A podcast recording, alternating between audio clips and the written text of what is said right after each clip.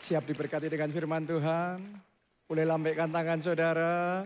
Kita kasih tepuk tangannya yang paling meriah buat Tuhan kita. Dari kemarin dan hari ini saya ada di tempat ini dan saya mendampingi Ibu Suset Hetting ya. Dan berulang kali, setiap kali kita duduk ngobrol, dia akan mengulang-ulang tentang Kak Asiti, Kak Asiti, Kak Asiti. Dia ini seorang pendoa syafaat yang luar biasa, orang yang sangat peka dengan Roh Kudus, diurapi Tuhan luar biasa. Dia pendoanya uh, evangelis Reinhard Punke, saudaraku dan mereka ini kapasitasnya skalanya bangsa-bangsa dan dia terus menubuatkan ini KACT ini akan dipakai Tuhan luar biasa. Ya, termasuk minggu yang lalu uh, saya percaya saudara juga dilayani oleh seorang hamba Tuhan yang luar biasa yaitu uh, Pak Gilbert Lumoindong ya. Kemarin minggu melayani di ibadah ini enggak ya? Oke, berapa banyak yang diberkati minggu lalu? Oke, kita kasih tepuk tangan juga yang paling meriah dan dia juga mengunjungi KACT juga dan benar-benar dia bisa melihat dan Tuhan itu sedang bekerja di tengah-tengah kita. Sadarkah saudara Tuhan sedang bekerja di tengah-tengah kita? Karena kadang-kadang bisa jadi Tuhan sedang bekerja tapi belum tentu kita menyadari sepenuhnya. Tapi hari ini saya mau sampaikan kepada saudara, Tuhan sedang bekerja dalam hidup saudara. Oke, Tuhan sedang bekerja di tengah-tengah kita, atas gereja kita, untuk kota tercinta kota Solo, bahkan bangsa kita Indonesia. Tepuk tangannya yang paling meriah buat Tuhan kita. Semuanya boleh tepuk tangan yang meriah, bukan cuma yang depan, semuanya tepuk tangannya yang paling meriah buat Yesus kita yang luar biasa, yang sedang melakukan perkara-perkara hebat di tengah-tengah kita. Dan yang saya percaya, Bulan Desember ini sementara kita merayakan Natal, Roh Kudus sedang membawa saudara dan saya masuk ke era yang baru, namanya adalah era mujizat. Oke, segala sesuatu itu ada waktunya, betul nggak? Firman Tuhan ngomong untuk segala sesuatu ada waktunya. Kalau sesuatu sudah waktunya, maka terjadi dengan cara yang sangat masif. Kalau waktunya musim hujan, padahal tadinya kemarau panjang dinanti-nantikan tidak juga ada hujan. Tapi begitu waktunya datang, hujan lebat itu juga datang.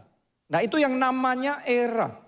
Ya sesuatu yang mendominasi. Kalau ada era industri zaman itu, maka perindustrian berkembang di mana-mana.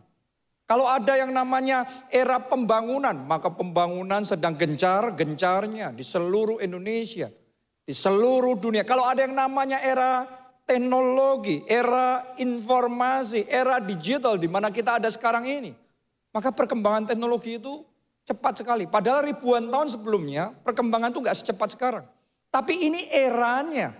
Jangan heran perkembangan teknologi, penyebaran informasi dan lain sebagainya berkembangnya cepat sekali yang belum pernah terjadi sebelumnya. Sekarang sedang terjadi. Nah tapi yang namanya era itu tidak selalu positif. Ada juga era yang berat, era yang susah. Ada yang namanya era krisis. Kayak di Indonesia kita pernah mengalami Krismon 98, benar? Kalau nggak ada krismon, tetap saja ada orang yang mengalami krisis, ada perusahaan yang mengalami krisis.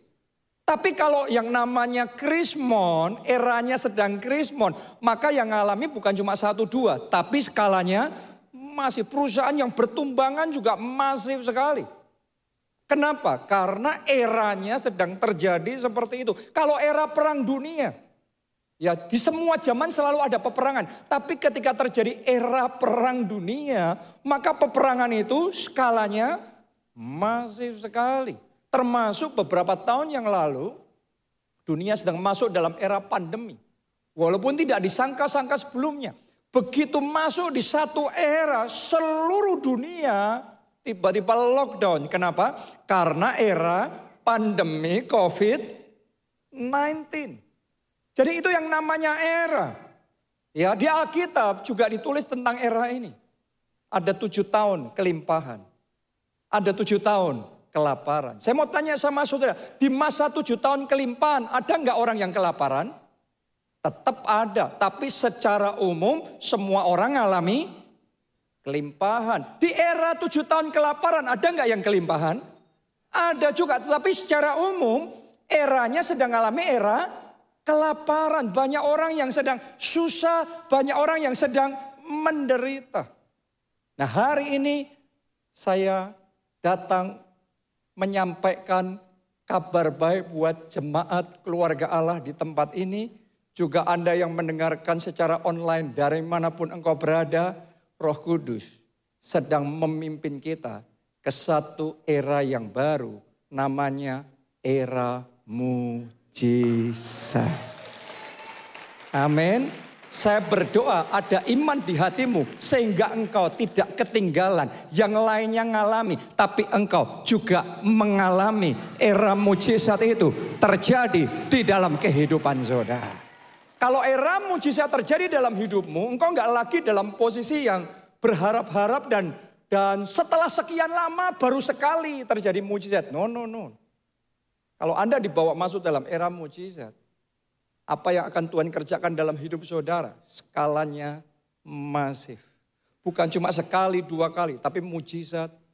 Lihat ini dalam roh saudaraku, dalam nama Yesus. Mujizat akan terjadinya beruntun, berseri, terus menerus, tidak henti-hentinya, berbagai macam mujizat akan dia kerjakan dalam hidup saudara. Mujizat kesembuhan, mujizat keuangan, mujizat pemulihan keluarga, mujizat kemenangan terjadi. Tepuk tangannya pula yang paling meriah buat Tuhan kita.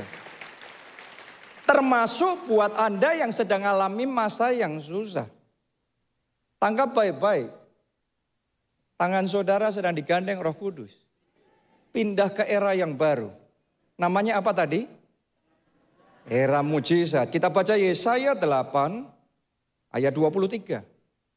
Tetapi tidak selamanya akan ada kesuraman untuk negeri yang terimpit itu. Siapa di sini yang sekian tahun keadaanmu terimpit? Dalam keluargamu sendiri, posisimu terimpit. Mungkin di tempat kerja saudara ada banyak situasi kondisi, ada rekan-rekan kerja saudara, ada situasi tertentu yang membuat keadaan Anda terimpit. Ini kata firman Tuhan, ya. Mungkin ada di tempat ini yang bisnisnya terimpit dengan kompetisi, yang semakin ketat dengan perubahan zaman yang serba online. Belum tentu semua orang bisa mengikuti perubahan zaman sehingga keadaannya jadi terimpit. Mungkin kesehatan saudara yang terimpit, tapi Anda yang sedang terimpit. Dengarkan baik-baik pesan Tuhan hari ini, ini bukan ayat biasa. Kalau engkau percaya ini akan Tuhan kerjakan dalam kehidupanmu, tidak selamanya keadaan yang buruk itu, keadaan yang suram itu, keadaan yang gelap itu tidak untuk selamanya. Amin. Haleluya. Katakan saudaraku, nggak selamanya aku menderita. Nggak selamanya aku susah. Nggak selamanya aku bergumul. Nggak selamanya harus bergumul dengan sakit penyakit ini. Nggak selamanya aku dalam kondisi seperti ini. Tidak selamanya. Dalam nama Yesus tidak selamanya. Apa yang akan Tuhan kerjakan dalam hidup saudara? Lanjutkan pembacaan itu. Kalau dahulu Tuhan merendahkan tanah Sebulon dan tanah Naftali. Memang alami keadaan yang gak enak ya, direndahkan. Terimpit, terdesak, susah. Tapi lihat, koma ya, maka di kemudian hari ia akan memuliakan. Jalan ke laut, daerah seberang sungai Yordan, wilayah bangsa-bangsa lain. Jadi yang tadinya direndahkan sampai di satu era berubah. Begitu babak berikutnya, era baru dimulai. Tadinya eranya direndahkan, sekarang eranya kemuliaan. Saya sedang melihat dengan mata iman saudara, dengan mata iman saya, ada orang-orang di tempat ini era kemuliaan dimulai. Era kemuliaan dimulai. Ini bukan tentang saudara paham apa tidak paham, tapi Anda percaya apa tidak percaya. Dan ketika Anda percaya dengan iman Tuhan akan memindahkan saudara dari satu era yang gelap masuk ke era yang terang, era kemuliaan. Lanjutkan pembacaan itu, Yesaya 9 ayat yang pertama. Bangsa yang berjalan di dalam kegelapan. Berarti sedang berjalan di dalam apa? Kegelapan, semuanya sedang gelap. Ngelihat apa-apa nggak kelihatan. Ngelihat gimana caranya menyelesaikan hutang yang besar itu nggak tahu caranya. Ada yang pernah ngomong sama saya pengusaha. Mungkin tujuh keturunan nggak selesai hutang saya ini. Ada juga pengusaha yang ngomong bahwa kayaknya seumur hidup saya hanya akan kerja hanya untuk bayar hutang. Artinya sedang berjalan dalam kegelapan. Saya nggak tahu satu satu persatu situasi saudara. Tapi kegelapan buat setiap orang berbeda-beda. Tapi apa pun itu yang sedang saudara alami, kegelapan apa pun yang sedang saudara jalani di dalam kehidupan saudara, tangkap firman Tuhan ini, percayai, imani ini, sehingga sungguh-sungguh terjadi di dalam kehidupan saudara. Bangsa yang berjalan di dalam kegelapan telah melihat terang yang besar. Mulai hari ini terang yang besar dimulai dalam hidup saudara.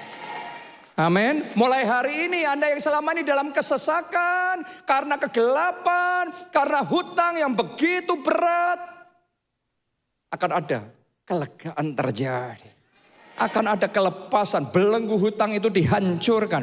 Tiba-tiba saja ada kelegaan. Tiba-tiba saja ada jalan keluar. Tiba-tiba saja ketemu jalannya.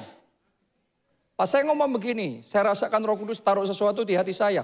Ada di sini yang bertahun-tahun kerja dan gagal dan rugi dan gagal dan habis dan bangkrut. Berjalan dalam kegelapan. Tetapi mulai akhir tahun ini, sementara kita merayakan Natal, sesuatu akan terjadi di dalam kehidupan saudara. Tiba-tiba saja pintu terbuka. Tiba-tiba saja Anda dipertemukan dengan seseorang. Tiba-tiba saja ada idenya. Tiba-tiba kelihatan jalannya. Tiba-tiba saudara memulai sesuatu yang baru. Dan tiba-tiba saja ada kemenangan, ada berkat, ada kelimpahan Tuhan curahkan di dalam hidup saudara. Mungkin Anda ngomong ketika dengar saya ngomong seperti ini sudah ngomong kok kayaknya enak banget, gampang banget terjadi. Kenapa? Eranya Sebelum Maret 2020, semua orang kalau dikasih tahu nanti akan terjadi seluruh dunia lockdown. Gak ada yang percaya. Tapi begitu Maret 2020 kita di Indonesia yang tadinya masih santai-santai, dikagetkan semuanya. Wih, tiba-tiba nggak boleh ke mana-mana. Betul apa tidak? Itu sebuah era ketika dimulai, semuanya berubah. Tiba-tiba terjadi. Ada seseorang di tempat ini, tiba-tiba mujizat terjadi dalam hidup saudara. Tiba-tiba saja kesembuhan akan Anda alami dalam tubuh saudara. Tiba-tiba saja sukacita pernikahan yang baru Tuhan akan berikan. Tuhan yang sama 2000 tahun yang lalu mengubah air menjadi anggur. Dia masih sanggup mengerjakannya dalam pernikahanmu cinta yang sudah menjadi hambar dan tawar akan dibaharui pernikahan jadi indah harmonis dan bahagia tepuk tangannya pula yang paling meriah buat Tuhan kita mereka yang diam di negeri kekelaman, atasnya terang telah bersinar. Terima itu saudaraku. Dalam nama Yesus terang telah bersinar. Saat ini juga dimulai terang dari Tuhan bersinar di dalam kehidupan saudara. Ayat yang kedua. Engkau telah menimbulkan banyak sorak-sorak dan sukacita yang besar. Padahal tadinya dalam kegelapan, dalam kekelaman. Begitu terang datang, kemuliaan datang. Yang ada sorak-sorak, sukacita. Mereka telah bersukacita di hadapanmu. Seperti sukacita apa? Di waktu panen. Anda bayangkan petani kalau lagi panen setelah sekian bulan kerja nyangkulin, melihara, mastiin semuanya merawat sawahnya. Ketika panen, sukacitanya meluap. Saya mau nubuatkan, ada seseorang di tempat ini. Masa panenmu saat ini juga dimulai. Sehingga sukacita panen itu datang dalam hidup saudara. Sukacita panen terjadi, Anda alami dalam hidup saudara. Bahkan ditulis begini, seperti orang bersorak-sorak di waktu membagi-bagi jarahan. Zaman dulu kalau tentara perang, sekian bulan, bahkan ada yang sekian tahun mereka harus perang. Dan perang itu dalam kondisi ngempet. What is ngempet? Uh, susah. Uh, kalau itu di negara, di daerah yang dingin. Uh, saudara lihat yang di film-film itu tentara. Wah harus nahan diri. Kenapa? Karena sedang perang. Tapi begitu dia menang, tiba-tiba ada sorak-sorak membagi-bagi apa? jarahan. Artinya usaha yang sekian lama, berbulan-bulan, bertahun-tahun, gak ada hasilnya. Tapi begitu kemenangan itu tiba, sorak-soranya itu berlipat kali ganda. Ada seseorang di tempat ini, seperti itulah akan terjadi dalam hidup saudara. Sekian tahun engkau berusaha, mungkin sesuatu belum terjadi. Sekian tahun Anda berjuang, Anda lakukan ini itu, tapi belum ada buah yang Anda bisa nikmati. Tapi saya nubuatkan, masa kemenangan segera tiba. Sekarang waktunya dimulai terjadilah di dalam kehidupan saudara. Amin. Sebab kuk yang menekannya dan gandar yang di atas bahunya. Ternyata dalam hidup manusia itu Kadang-kadang tanpa sadar ada kuk yang menekan. Ada kutuk yang sedang menekan. Anda berusaha, berusaha, tapi karena ada kutuk itu terus menerus dibuat gagal. Dibuat gagal lagi. Karena ada kuk yang apa? Menekan dan gandar di atas bahunya. Serta tongkat si penindas. Tanpa sadar ada orang-orang yang hidupnya sedang ditindas oleh kuasa kegelapan. Sehingga seolah-olah nggak peduli apa pun yang kita usahakan, nggak ada yang jadi semuanya. Ada tongkat si penindas. Tapi imani bersama-sama saudaraku, ayat ini, terjadilah ini di dalam hidup saudara. Tongkat si penindas telah kau patahkan seperti pada hari kekalahan Midian. Midian itu musuh, kalau mereka kalah berarti umat Tuhan menang. Saudara dan saya menang. Amin. Terjadilah sesuai dengan iman saudara, era yang baru, era mujizat dimulailah di dalam kehidupan. Pertanyaannya, kenapa kok tiba-tiba eranya bisa baru? Masa tiba-tiba terjadi baru? Misalnya ada pandemi, era pandemi, karena apa? Karena tiba-tiba ada varian virus yang baru terus kemudian merebak begitu cepat. Berarti ada ada pemicunya. Ya kenapa kok era mujizat tiba-tiba bisa terjadi dan kita alami dalam hidup kita. Kalau nggak ada yang berubah dalam hidup kita, maka yang nggak ada perubahan apa-apa. Kalau sampai ada era mujizat tiba-tiba terjadi, orang nggak pernah ngalami mujizat, sekarang ngalami banyak mujizat. Pasti ada sesuatu tuh. Mari kita lihat penyebabnya. Sekarang lompat di ayat yang kelima. Ditulis begini. Sebab seorang anak telah lahir untuk kita. Seorang putra telah diberikan untuk kita. Lambang pemerintahan ada di atas bahunya. Dan namanya disebutkan orang. Apa itu namanya? Penasehat ajaib, ayo baca semuanya. Allah yang berkasa, Bapa yang kekal, Raja damai. Ini adalah ayat kedatangan Sang Mesias. Kenapa kok keadaan bisa berubah total? Kenapa perjanjian lama berubah jadi perjanjian baru? Kenapa era yang gelap berubah menjadi era kemuliaan? Kenapa yang tadinya era kekeringan sekarang kita bisa masuk ke era mujizat? Karena ada seorang pemimpin besar yang muncul. Kapan pun ada seorang pemimpin besar muncul, sesuatu yang besar pasti terjadi. Dan di situ ditulis, raja yang besar ini, anak putra yang dinubuatkan akan lahir ini, dia penasehat ajaib. Kenapa disebut penasehat ajaib? Kalau dia memberi nasihat dalam hidupmu. Untuk keluargamu, untuk kesehatanmu, untuk karirmu, untuk masa depanmu. Engkau kerjakan yang engkau alami. Keajaiban. Makanya namanya penasehat ajaib. Jangan heran, era keajaiban akan dimulai. Jangan heran era mujizat akan dimulai. Kenapa? Karena putra yang dinubuatkan lahir ini, pemimpin besar ini. Dia penasehat ajaib. Makanya era baru dimulai. Sebelumnya belum pernah. Begitu penasehat ajaib datang, semuanya jadi ajaib.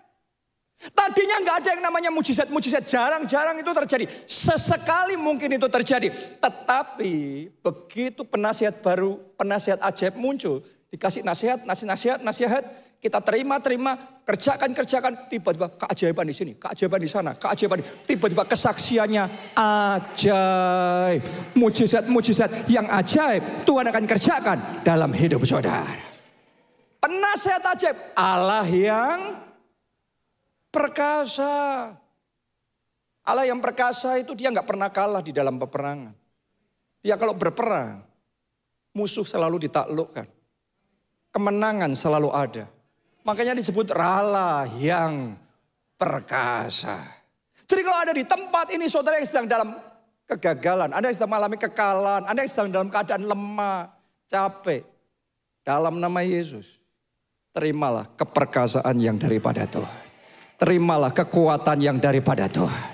Terimalah stamina yang daripada Tuhan. Sehingga Anda yang harusnya sudah capek. Ada seseorang di tempat ini, saudara sudah merasa capek, sudah mau, rasanya sudah kayak menyerah, lepasin aja deh. Lepasin aja deh, karena ngalami kayak gitu, bertubi-tubi terus menerus tuh orang itu punya batas. Dan secara manusia mungkin Anda sudah sampai di batasnya itu, Anda sudah sampai di ubun-ubun. Sudah melampaui limit saudara. Tapi doa saya sementara Anda mendengarkan firman Tuhan ini. Ada kekuatan baru. Diimpartasikan dalam hidup saudara. Sehingga engkau yang tadinya sudah nggak kuat. Sekarang terima kekuatan yang baru. Stamina yang baru. Ditambahkan itu dalam hidup saudara. Allah yang perkasa. Anda alami secara pribadi. Di dalam hidup saudara. Amin. Jadi kedatangan seorang pemimpin yang besar akan membuat perubahan yang besar. Dimulai era yang baru. Hmm. Dan bulan ini, Desember, seluruh umat Tuhan di seluruh dunia akan merayakan apa? Natal. Natal itu bicara adalah kedatangan Mesias. Kedatangan Yesus Kristus di muka bumi. Jadi saudara tangkap baik-baik rema firman Tuhan ini. Sementara kita merayakan Natal, kelahiran Yesus Kristus di muka bumi, pemimpin yang besar ini bangkit. Era yang baru sedang dimulai dalam hidup kita. Walaupun di babak-babak sebelumnya lembaran-lembaran hidupmu isinya gelap, isinya negatif, isinya susah. Tapi bangsa yang berjalan dalam kegelapan melihat terangnya terbit, kemuliaan Tuhan jadi nyata atasnya. Amin. Dan Tuhan sedang datang dalam hidup saudara. Tuhan sedang datang dalam hidup saudara. Dan Tuhan sedang membuat perubahan ini terjadi dalam kehidupan saudara. Siapa mau mengalami perubahan ini dan dibawa oleh Tuhan masuk ke era mujizat? Ya, ada orang dulu ngomong, wah zaman saya dulu enak. Kenapa dia merefer zaman di mana Seolah-olah yang dia kerjakan semuanya jadi. Ngerjain jadi lagi, jadi lagi. Tapi tiba-tiba sesuatu terjadi, kok kayaknya berbalik. Keberuntungannya sudah pergi. Sekarang ngalami sial lagi, sial lagi, sial lagi. Oh saya nubuatkan. Era yang jelek itu sementara kita merayakan Natal, terjadilah pembalikan ilahi yang daripada Tuhan semua kesialan, semua nasib jelek, semua kegagalan dan kerugian, semua masa kekeringan berhenti dirubah menjadi keberuntungan, keberhasilan, kemenangan dan kemuliaan dimulai dalam hidup saudara. Ayo tepuk tangannya yang paling meriah buat Tuhan kita. Buat Anda yang mau mengalami era mujizat ini dalam hidupmu, yang pertama belajar berseru-seru sama Tuhan. Maksudnya gimana? Kita baca dulu. Keluaran 2 ayat 23 sampai 25. Lama sesudah itu matilah Raja Mesir. Tetapi orang Israel masih mengeluh karena perbudakan. Jadi mereka mengeluh karena apa? Perbudakan. Keadaannya enak apa susah? Susah nih karena diperbudak. Nah dalam kondisi susahnya, lihat yang mereka lakukan. Dan mereka apa? Berseru-seru. Menurut saudara berseru-seru sama apa beda dengan bisik-bisik? Saya tanya sama saudara, kalau saudara sama Tuhan, bisik-bisik apa berseru-seru? Hmm, benar? Lihat ini, mereka berseru-seru sehingga apa? Teriak. Sehingga teriak mereka minta tolong karena perbudakan itu sampai kepada Allah. Nanti setelah khotbah ini selesai, saya mau ajak saudara teriak minta tolong sama Tuhan. Bukan ngomong minta tolong. Bukan sekedar doa biasa minta tolong berseru-seru, teriak, minta tolong. Kenapa kok mereka sampai dalam kondisi kayak gitu? Ceritanya gini, bangsa Israel bisa sampai di Mesir dimulai dari zamannya Yusuf. Masih ingatkah saudara? Tadi ya masa tujuh tahun kelimpahan terus tujuh tahun kelaparan. Nah di masa tujuh tahun kelaparan itulah Yusuf, Yakub dan sekeluarganya Semuanya pindah ke Mesir. Nah selama zaman Firaun yang kenal sama Yakub ini hidup, umat Tuhan waktu itu diperlakukan dengan sangat spesial sekali di Mesir. Wah mereka dimanjakan, dikasih tanah Goshen, dikasih tanah yang terbaik. Pokok diperlakukan dengan sangat spesial. Sampai rajanya, Firaunnya mati, terus bangkitlah raja baru yang gak kenal Yusuf nggak ngereken lagi jasanya Yusuf karena Yusuf Mesir selamat nggak direken lagi. Kenapa? Bangkit pemimpin yang baru nggak kenal. Begitu pemimpin yang baru bangkit sejak saat itu bangsa Israel masuk di era yang baru tapi eranya negatif. Mereka diperlakukan dengan sangat susah. Diperlakukan dengan sangat berat. Mereka diperbudak dengan begitu rupa, ditekan luar biasa. Sampai keadaannya sangat susah. Dan di dalam kesusahannya itu, dicatat ayat yang kita baca tadi. Mereka berseru-seru kepada Tuhan. Kadang-kadang saudaraku dalam hidup kita, kita maunya semuanya keadaan hidup kita baik dan enak. Tapi kadang-kadang dalam hidup ini semua dari kita Entah saudara Kristen, enggak Kristen, entah saudara latar belakangnya pendidikan tinggi atau tidak. Entah saudara punya banyak duit apa tidak. Tapi semua orang diizinkan mengalami yang namanya masa tantangan. Betul apa tidak? Apakah kalau saudara konglomerat enggak ngelewati masa pandemi? Mau konglomerat, mau konglo melarat, semuanya tetap harus melalui masa yang ada tantangan di dalam kehidupannya. Nah sama, saudaraku kita juga kadang-kadang dalam hidup kita ini ngalami keadaan yang seperti itu. Itu yang dialami oleh bangsa Israel. Dan ketika mereka ngalami seperti itu, untuk merubah keadaan yang tadinya sudah susah menderita bertahun-tahun. Untuk merubah kembali keadaan, dimulai dari berseru-seru. Ada seseorang di tempat ini, saya mau nubuatkan, masa depan saudara akan berubah. Dari yang negatif akan menjadi positif. Dari yang tadinya berat akan menjadi terang. Dimulai dari belajar berseru-seru kepada Tuhan. Anda selama ini merasa sudah berdoa. Anda selama ini merasa sudah ngomong sama Tuhan, tapi mana? Katanya doa orang benar bila dengan yakin didoakan, besar kuasanya. Tanpa kita sadari kita cuma tahu ngomong sama Tuhan. Kita belum belajar yang namanya benar-benar berseru sama Tuhan itu kayak apa.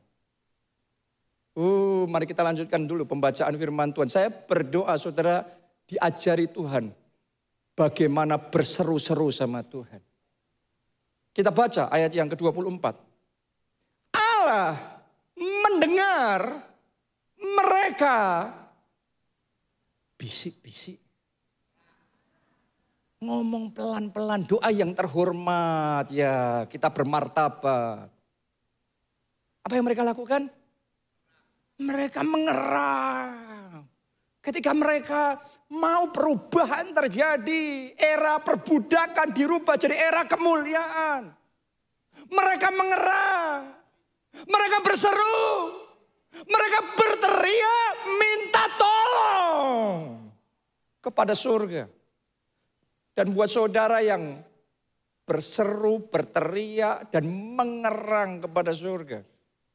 Ayat 24 ini rema. Yang Tuhan mau kasih dalam hidup saudara.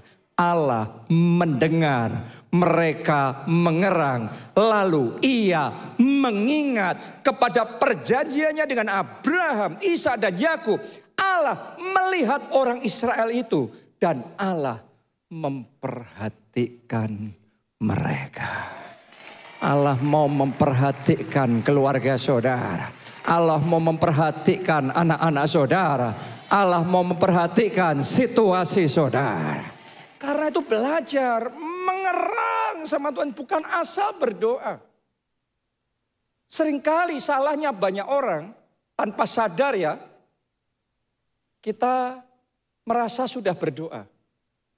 Tanpa sadar mindsetnya kita, pola pikirnya kita. Kalau dijawab puji Tuhan. Kalau enggak dijawab ya gimana lagi. Buat bangsa Israel enggak kayak gitu yang di benak mereka. Karena kalau enggak dijawab mereka mati. Bukan cuma mereka, anak-anak mereka mati.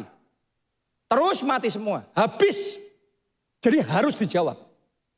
Mereka tuh berteriak dengan harus dijawab, harus ada pertolongan, harus ada sesuatu yang terjadi. Gak ada pilihan yang lain. Banyak orang berdoa sama Tuhan karena masih punya jagan. Orang Solo kan tahu jagan ya. Masih punya cadangan, backup plan. Oh saudaraku, saya jarang melihat orang yang berseru sama Tuhan dengan kalau dijawab oke, okay, puji Tuhan, nggak dijawab ya, ya oke okay lah kita usaha sendiri. Saya jarang melihat orang kayak gitu ngalami keajaiban. Yang saya tahu, orang yang berseru-seru sama Tuhan. Orang yang menjadikan Tuhan satu-satunya pengharapanku, satu-satunya andalanku. Kalau Tuhan gak menolong, habislah aku. Tuhan tolong aku, tolong anak-anakku, tolong lepaskan keadaanku ini. Orang yang kayak gitu, rangannya, teriakannya sampai ke langit. Dan Tuhan mendengar, Tuhan melihat, Tuhan memperhatikan doa saya. Seperti Tuhan mendengar bangsanya waktu itu. Tuhan juga mendengar seruanmu hari ini.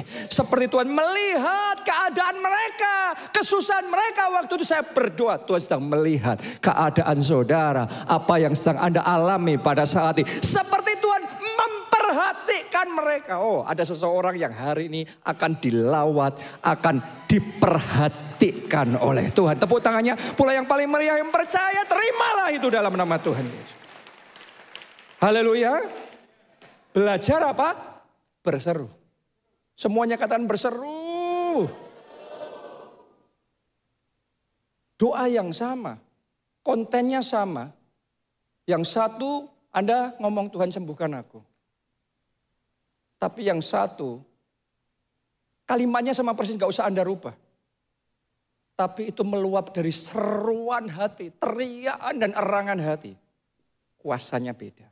Nyampe nya di telinga Tuhan itu lain. Omongannya sama, kalimatnya sama, tapi di telinga Tuhan beda. Karena Tuhan itu roh. Doa yang dari hati itu doa yang dari roh. Nyampe kepada Tuhan. Saya belajar dalam hal ini. Saya pertama kali pelayanan saudaraku. Saya baca berulang-ulang doa orang benar bila dengan yakin didoakan besar kuasanya. Tapi saya enggak ngalami mujizat, saya enggak ngalami kesembuhan. Pelayanan saya pelayanan tanpa mujizat. Dan akhirnya pada waktu itu yang terjadi stagnasi. Yang terjadi kemunduran. Dalam keadaan seperti itu, itu momen saya diajar Tuhan untuk berseru-seru sama Tuhan. Itu momen siang malam saya mencari wajah Tuhan. Dan saya berseru-seru Tuhan. Urapi aku. Tuhan. Aku perlu kuasamu. Dulu omongannya sama gitu, tapi sekarang disertai dengan kehausan yang kuat, kerinduan yang besar, seruan hati Tuhan, urapi siang malam saya datang sama Tuhan. Tuhan aku butuh kuasamu. Sampai di satu titik tanpa saya sadari karena itu siang dan malam terus kayak gitu. Dalam pelayanan, dalam khotbah seperti ini. Saya digerakkan oleh Roh Kudus doa buat orang yang sakit. Dan itu untuk pertama kalinya dalam hidup saya, ketika saya doa buat orang sakit di ibadah seperti ini, selesai doa saya tanya siapa yang sudah disembuhkan, saya minta ke depan kesaksian satu persatu. Dan tiba-tiba ada yang bersaksi, yang apa tuli mendengar. yang ada benjolan, ada tumor di apa di tubuhnya. Seketika itu lenyap. Ada yang lumpuh di kursi roda terus berjalan. Saudaraku, saya mau ngomong begini. Mungkin yang salah bukan kalimat doanya. Tapi mungkin yang salah doa yang sama tidak disertai seruan hati. Teriaan hati. Erangan dari hati saudara. Itu yang nyampe ke surga. Nyampe dan menyentuh hati Tuhan. Itu yang didengar, dilihat, dan diperhatikan oleh Tuhan. Saya ajak saudara mulai hari ini. Rubah cara saudara berdoa. Jangan berdoa kayak orang gak butuh. Dijawab ya syukur, enggak ya sudah. Emangnya siapa yang butuh? Kamu butuh apa Tuhan yang butuh? Hari ini datang sama Tuhan itu jangan sombong. Ayo rendahkan dirimu. Datang di hadapan tangan Tuhan yang kuat. Ia akan meninggikan engkau pada waktunya. Amin. Jangan datang sebagai orang besar. Makanya firman Tuhan berbahagialah orang yang miskin di hadapan Allah. Uh, kalau saudara tahu bagaimana merendahkan diri di hadapan Tuhan. Anda berseru-seru sama Tuhan. Mulai hari ini doa yang persis sama. Permohonan doamu yang bertahun-tahun persis sama. Tapi disertai seruan hati. Anda akan melihat kuasanya berbeda. Mujizatnya berbeda. Dan saya nubuatkan era mujizat dimulai dalam hidup saudara. Tepuk tangannya yang paling meriah buat Tuhan. Saudara tahu nggak kenapa di Pondok Daud paling banyak mujizat terjadi? Karena orang-orang itu orang-orang yang haus dan lapar. Banyak kali kita yang di hari Minggu saja kita datang ya pokok yang penting saya sudah ibadah Minggu, selesai terus saya pulang. Bebas, saya bisa waktu keluarga. Tapi orang-orang yang datang di Pondok Daud dalam keadaan kepepet, kesusahan hidupnya yang dia punya tiap hari datang dan berseru sama Tuhan. Gak heran yang kayak gitu yang didengarkan doanya. Hari ini datang dengan kerendahan hati. Hari ini saya ajak saudara datang berseru sama Tuhan. Minta tolong sama Tuhan. Manusia mengecewakan saudara, tapi Tuhan tidak pernah mengecewakan kita. Pengharapan akan Allah tidak akan mengecewakan. Tepuk tangannya, pula yang paling meriah buat Tuhan kita. Yang kedua, Belajar percaya bulat-bulat sama Tuhan. Percaya itu jangan separuh-separuh. Percaya penuh. Percaya penuh. Semuanya katakan percaya penuh. Percaya dosamu sudah diampuni. Banyak orang berdoa terima Yesus tapi masih merasa ragu. Sudah diampuni belum ya? Masuk surga apa enggak ya? Percaya saudaraku Anda sudah dibasuh dengan darahnya yang mahal. Anda sudah terima pengampunan dosa. Dan Yesus sudah menyediakan bagi saudara tempat yang pasti, tempat yang indah di dalam kerajaan surga.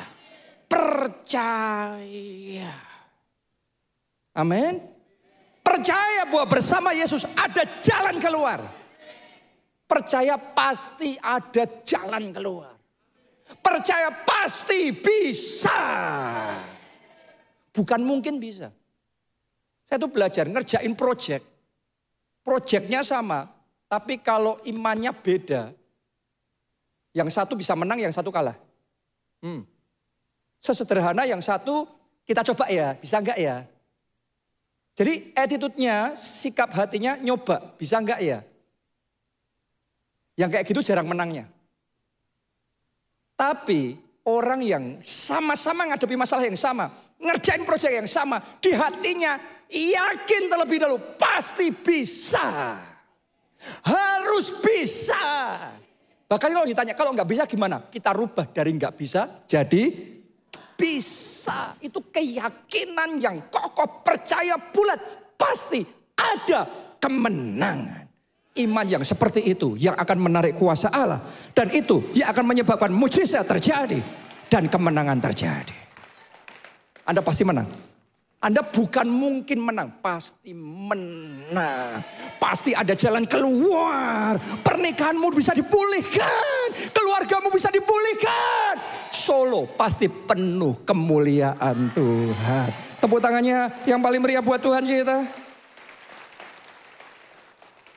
Menurut saudara kita punya keyakinan pasti menang, pasti sembuh, pasti ada jalan keluar. Apakah itu cuma hipnosis? Apakah itu cuma mereka-reka sendiri? No. Kalau cuma mereka-reka sendiri itu nggak ada dasarnya. Rumah kalau dasarnya pasir, begitu hujan badai datang, ambruk dia. Kita keyakinan itu harus dasarnya kuat. Apa dasarnya keyakinan kita? 1 Yohanes 5 ayat 14.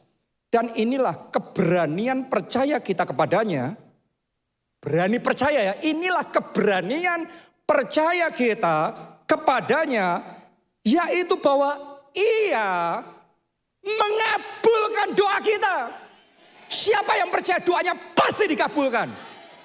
Siapa yang berani percaya? Saya mau saudara angkat dua tangan tinggi-tinggi. Anda percaya doamu pasti dikabulkan. Ayat ini ngomong gini, inilah keberanian percaya kita kepadanya. Yaitu bahwa ia mengabulkan doa kita.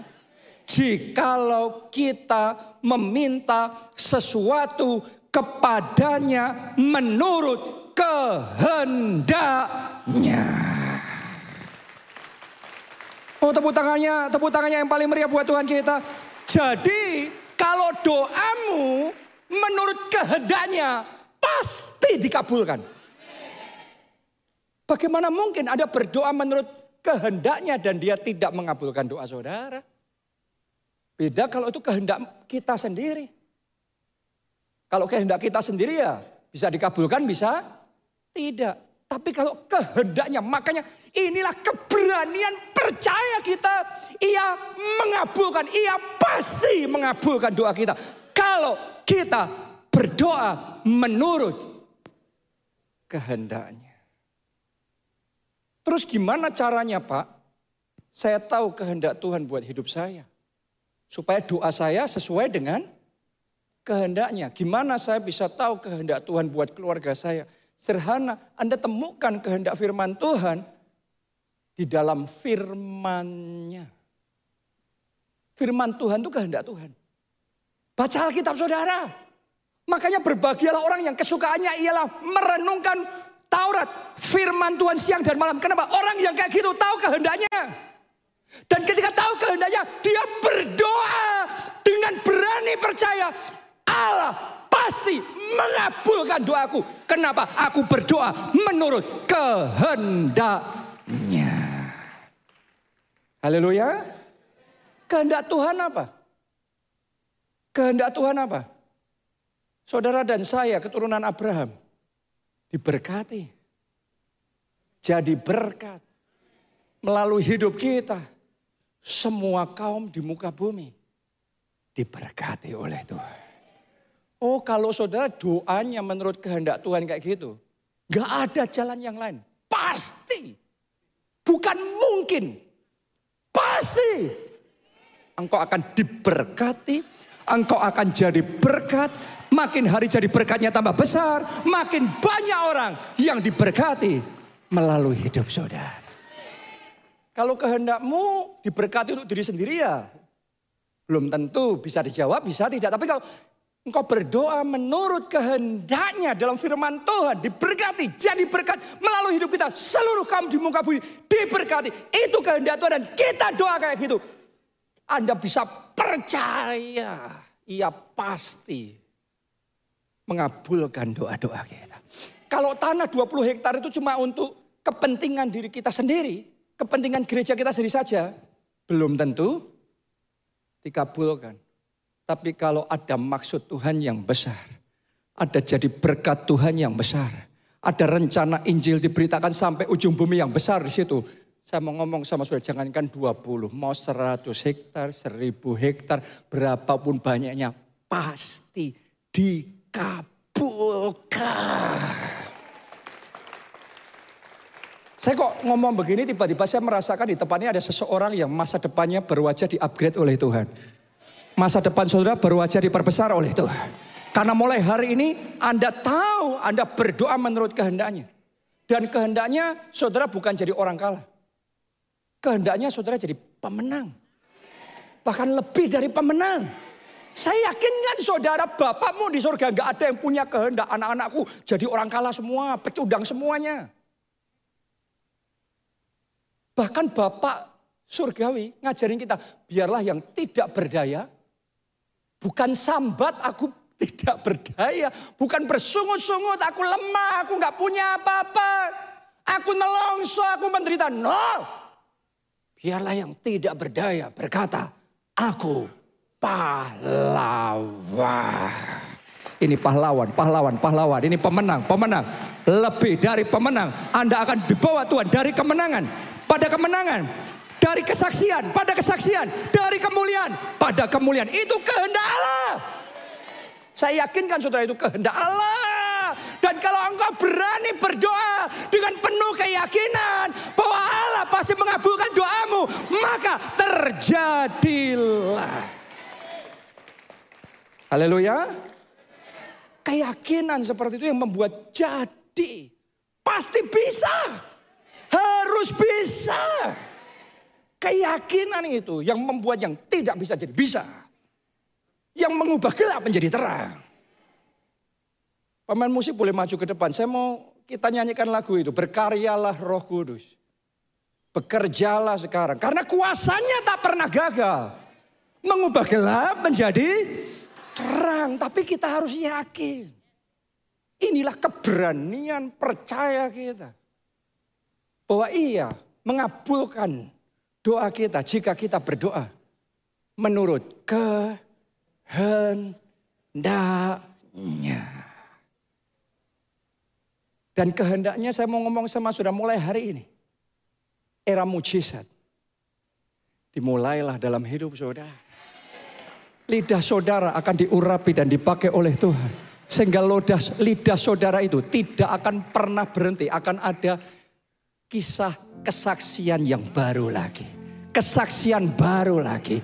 Kesaksianmu tidak akan pernah selesai. Era baru, era mujizat dimulai. Mari bangkit berdiri. Berkaryalah roh kudus. Bekerjalah sekarang.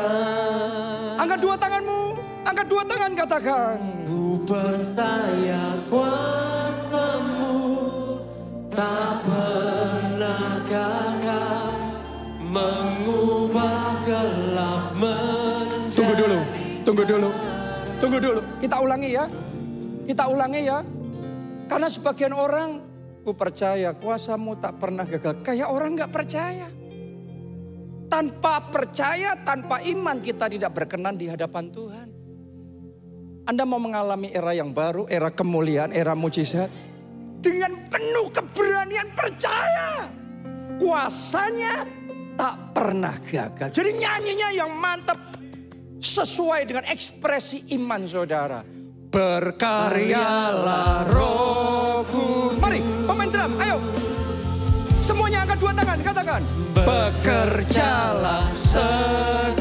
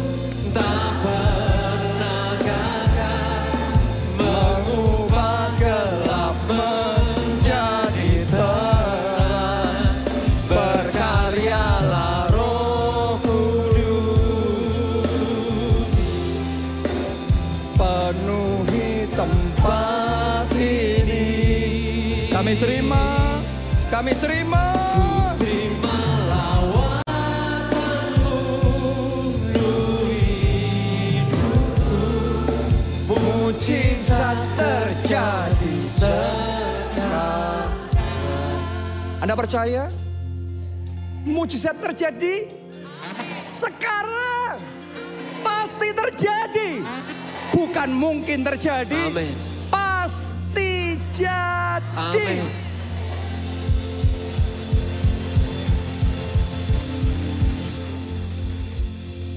Karena itu kita butuh Tuhan. Karena tanpa Tuhan kita nggak mampu. Kita sudah buktikan berjuang sendiri, berjuang sendiri, tapi ternyata kita harus mengakui kekuatan kita terbatas. Kesehatan kita terbatas. Stamina kita terbatas, semangat kita terbatas. Ada orang-orang di sini yang sudah sampai di titik tertentu.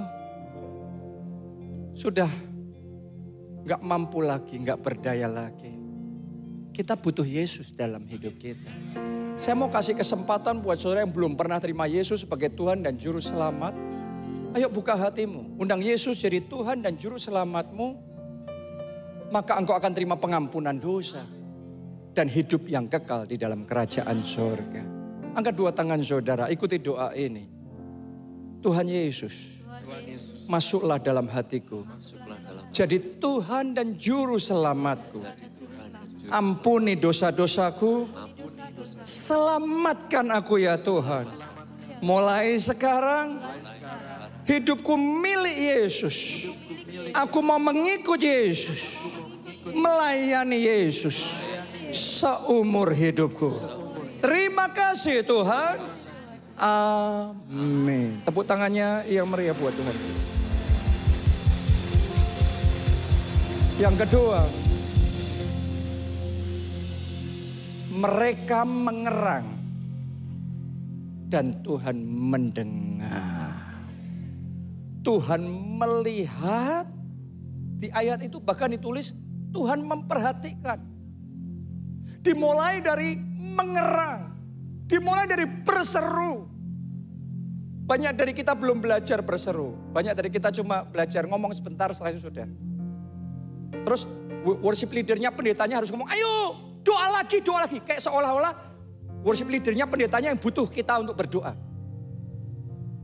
Gak heran dalam hidup kita gak pernah ngelihat keajaiban. Hari ini belajar rahasia berseru-seru sama Tuhan. Berseru-seru. Push, pray, until something happen. Berdoa sampai sesuatu terjadi. Angkat dua tangan saudara. Katakan Tuhan Yesus. Tolong aku ya Tuhan. Mari masing-masing angkat suara dan berdoa. Angkat suara berdoa yang bisa bahasa roh. Saudara bahasa roh. Yang belum saudara berdoa dalam bahasa Indonesia. Tolong keluargaku Tuhan. Tolong pekerjaanku Tuhan. Tolong keuanganku ini ya Tuhan. Doa saudara, doa, doa. Belajar berseru-seru sama Tuhan. Belajar berseru-seru sama Tuhan. Tolong kami ya Tuhan. Tolong aku ya Tuhan. Aku butuh Tuhan. Tanpa Tuhan aku tidak mampu. Kalau Tuhan tidak bekerja, aku habis. Tapi kalau Tuhan turun